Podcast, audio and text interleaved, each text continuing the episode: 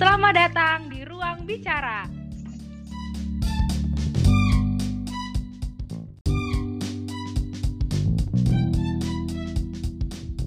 Ruang Bicara adalah sebuah kampanye kreatif sekaligus ruang diskusi alternatif dari Sindikat Aksata tentang Chef Arjuna Welirang atau tolak pembangkit listrik tenaga panas bumi Arjuna Welirang.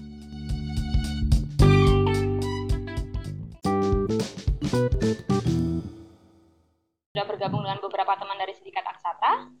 Mungkin uh, ada baiknya untuk salah satu memperkenalkan diri apa itu Sindikat Aksata, uh, bagaimana sejarah terbentuknya sindikat Aksata. Silahkan memperkenalkan. Oke Mbak Putri. Jadi saya Sam. Sindikat Aksata ini kayak sekumpulan anak muda itu ya yang membuat tempat kolektif yang sebelumnya emang diinisiasi oleh Wali Jatim dari lahir teh sekolah ekologi perkotaan itu mulainya sekitar bulan November hingga Desember lah dan jalan sampai sekarang. Kita sudah mulai kampanye kampanye-kampanye, apalagi tentang ini yang paling kita guluti sekarang penolakan untuk PLTB Arjuna Wulirang ini. Jadi emang isinya itu ya pemuda-pemuda dan memang kita juga membuka diri untuk beberapa teman yang mampu solidaritas untuk uh, kampanye kita gitu. Nah, kita kan harus mengimplementasikan gitu apa yang udah diajarin sekolah akhirnya kami memutuskan kalau kita harus melindungi kota kita sendiri gitu dengan mengkampanyekan penolakan pembangunan geotermal di daerah Arjuna Ulirang yang sangat berimbas gitu buat kami, buat kota kami dan juga e, ikut menjaga mata air di Kota Batu yang semakin berkurang jumlahnya dan juga mata air itu terimbas langsung dari geotermal itu sendiri nantinya. Secara spesifik, kampanye kami ini mengajak masyarakat, khususnya Kota Batu, untuk memahami gimana sih kemungkinan dampak kerusakan yang akan dirasakan masyarakat jika dibangun geotermal. Mengawali obrolan kali ini, kami akan menjelaskan terlebih dahulu tentang isu ini dan juga Kota Batu itu sendiri sebagai kota yang nantinya akan merasakan dampak dari pembangunan geotermal. Mungkin bisa kita mulai dulu dari, dari apa itu geothermal dan kenapa harus ditolak. Mungkin kita bisa mulai dulu kali ya dari apa itu geothermal dan kenapa harus ditolak gitu dari tadi mungkin akan banyak yang bertanya-tanya kenapa harus kita menolak geothermal. Hmm, kalau secara singkatnya geothermal itu kayak bahasa kerennya lah geothermal kalau bahasa umumnya kan panas bumi dia atau kalau misalnya dalam lingkup tambangnya biasanya disebut PLTB, PLTPB lah, uh, pembangkit listrik tenaga panas bumi. Nah ini pembangkit panas bumi ini adalah pembangkit listrik biasanya yang memanfaatkan tenaga panas bumi yang didapat dari dalam perut bumi. Nah, dikatakan ya katanya nggak tahu sih pembangkit listrik yang ramah lingkungan yang lebih baik dibanding batu bara atau brandingnya katanya lebih baik dari yang lain green energy dan lain-lain tapi tidak salah juga untuk kita uji atau kita uh, analisis lagi apakah ini benar-benar patut untuk dipakai dan lain-lain di situ sih yang nanti kita uh, pelajari atau kami di sindikat itu mendalaminya. Gitu. Oke, terima kasih. Mungkin ada tambah lain? Tenaga panas bumi ini tuh sebenarnya udah lama itu dimulai di Indonesia sekitar tahun 1978 di Kamojang. Dan terus dilanjutkan di berbagai daerah di Indonesia. Nah, salah satunya ya di Arjuna Welirang ini. Memang di mana-mana itu disebutkan bahwa energi panas bumi ini adalah energi yang baru terbarukan, yang bersih gitu. Dan ternyata ada beberapa dampak yang cukup membahayakan bagi masyarakat sekitar yang belum kita banyak ketahui gitu. Yang sering diketahui adalah dampak positifnya kan dan dampak negatifnya belum berapa tahu gitu masyarakat sekitar. Jadi emang PLTB ini sangat sangat dapat untuk mengganggu berkurangnya mata air ya karena emang PLTB ini menggunakan air sebagai sumber untuk tenaga uapnya. Jadi secara sederhananya itu PLTB ini membakar air yang ada di bawah untuk dinaikkan ke atas sehingga mata air akan sangat berkurang. Selain itu, dia juga dapat merusak lahan-lahan pertanian, rusaknya daerah aliran sungai, tercemparnya udara dengan gas H2S. Gas H2S ini dihasilkan akibat kandungan-kandungan belerang yang ada di bawah permukaan bumi. Bahkan dapat juga terjadi ledakan. Yang baru-baru ini ada di Kawah Ijen, kebocoran gas terjadi akibat PLTBB. Secara lebih jelasnya tentang dampak akan kami jelaskan di episode ruang bicara selanjutnya.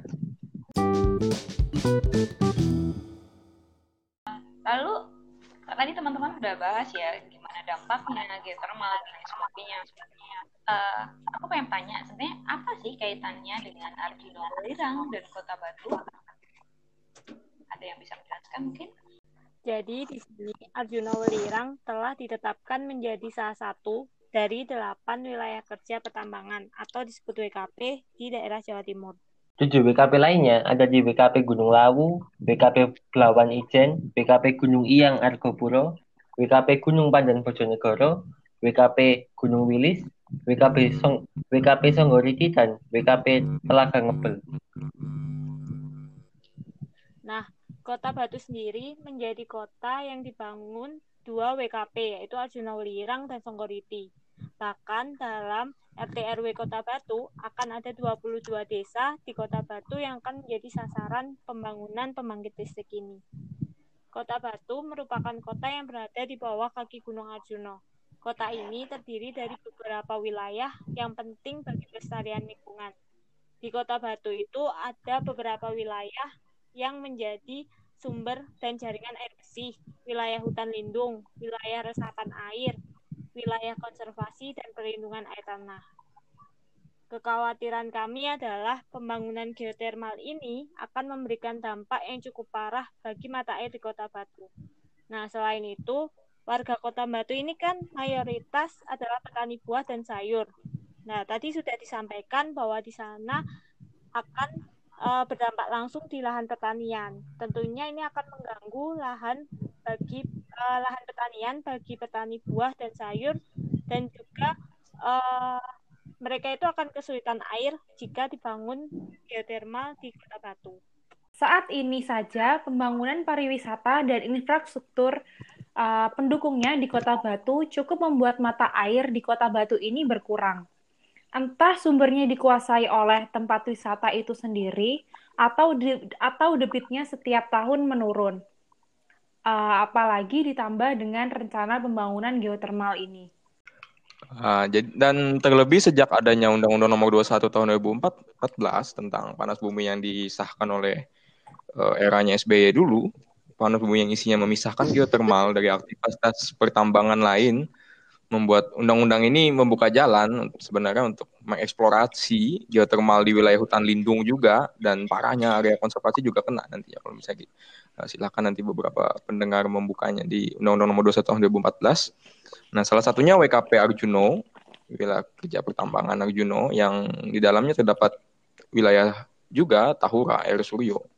Nah, eh, jadi emang kalau menurut saya mah ini kan yang kayak salah satu ya mega proyek yang sudah direncanakan gitu kan. Dan sekarang baru meletus ya anggapannya ya. Jerawatnya belum belum mateng. Sekarang lagi mateng-mateng ya tinggal meledaknya aja gitu. Jadi ya kita perlu uh, sejatinya perlu membahas lagi. Dan ternyata kita kecolongan di tahun 2014 dan sekarang ada eksplorasi yang kayak gini. Sebenarnya sebelum membicarakan dampak lebih lanjut kita harus bertanya-tanya gitu. Untuk siapa sebenarnya pembangkit listrik ini dibangun gitu kan apakah benar untuk masyarakat? Karena kebutuhan listrik kota Batu sendiri dirasa sudah sangat cukup gitu. Terlebih ada 8 WKP yang akan dibangun di Jawa Timur. Ya kita Jawa Timur sudah memiliki pembangkit listrik Python yang terbesar gitu di Asia Tenggara. Rasa itu sudah cukup gitu untuk mengatasi kebutuhan listrik se Jawa Timur. Ataukah sebenarnya akan ada industri yang muncul gitu berbarengan dengan dibangunnya geothermal di banyak titik di Jawa Timur gitu. Karena e, setahu saya listrik itu tidak bisa disimpan terlalu lama gitu terlebih lagi dalam jumlah besar gitu kan. Berarti ada satu tempat di mana listrik itu akan dibutuhkan gitu dalam jumlah yang besar. Juga dari kebijakan yang sudah lama ini kan tidak yang memang tadi karena rencana ini sudah direncanakan dari dulu dan perkembangan eh, proyek juga terus berjalan dan mungkin di sini baru kenanya. Eh, baru-baru ini kita lihat di Bondowoso itu ada yang meledak itu anu. silakan dicari nanti ada. Itu warga lari-larian tuh semua. Katanya baunya nggak enak bau gasnya. Itu bau H2S kayaknya itu nggak tahu juga sih kalau kandungan-kandungannya. Itu berbahaya juga di situ. Makanya ya, pertimbangan-pertimbangan yang menurut saya kurang perlu dipertimbangkan lagi dan pembacaan yang lebih dalam lagi antara kebutuhan masyarakat kebutuhan masyarakat tadi terus kayak anggapannya analisis lingkungannya apakah memang patut untuk me, dengan segala upaya yang diperlukan listriknya nanti ke mana dan apakah eh, layak untuk misalnya kita perlu listrik segini dan yang di menurut saya kalau bahasa lebaynya memberangusnya itu segini apakah memang benar nanti bisa ya seyogyanya bisa kayak gitu apa gimana gitu. Uh, jadi kan kita bisa lihat sendiri kalau warga Batu itu uh, sebagian besar apalagi yang nantinya akan paling terdampak di daerah bumi Miyaji.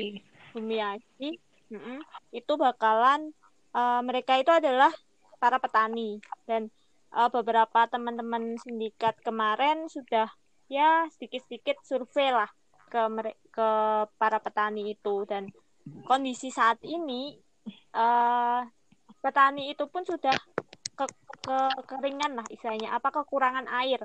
Mereka pun yang nggak punya cukup modal atau tanahnya hanya sedikit mereka harus uh, pakai air tanda hujan. Sedangkan mereka yang punya modal itu harus mengeluarkan sekitar 500 juta untuk membangun pipa air yang nantinya uh, dari Cangar mereka baru bisa mengalirkan untuk ke pertanian-pertaniannya.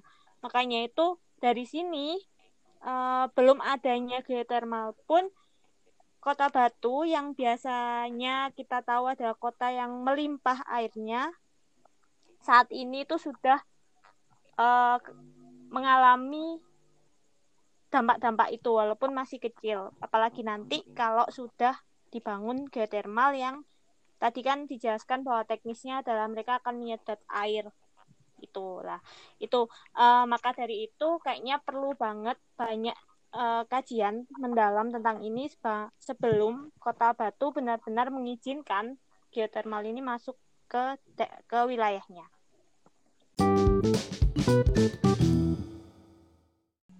Oke, teman-teman, terakhir nih ya sebelum kita uh, sudahi podcast kita pada saat ini, ada nggak pesan-pesan yang ingin kalian sampaikan? Diharapkan podcast pertama kami ini dapat menjadi pengantar uh, sebuah pembicaraan mengenai kampanye Save Arjuna Welirang yang bisa dibahas untuk lebih jauh.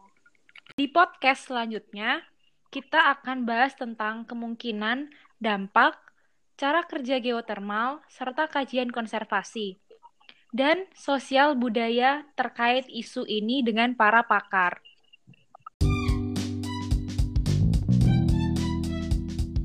Oke, terima kasih teman-teman atas waktunya. Terima kasih juga teman-teman yang lain sudah mendengarkan podcast pertama kami. Sampai jumpa di ruang bicara episode Yeay. selanjutnya. Bareng-bareng. Sampai jumpa. Sampai jumpa. Sampai jumpa di ruang bicara.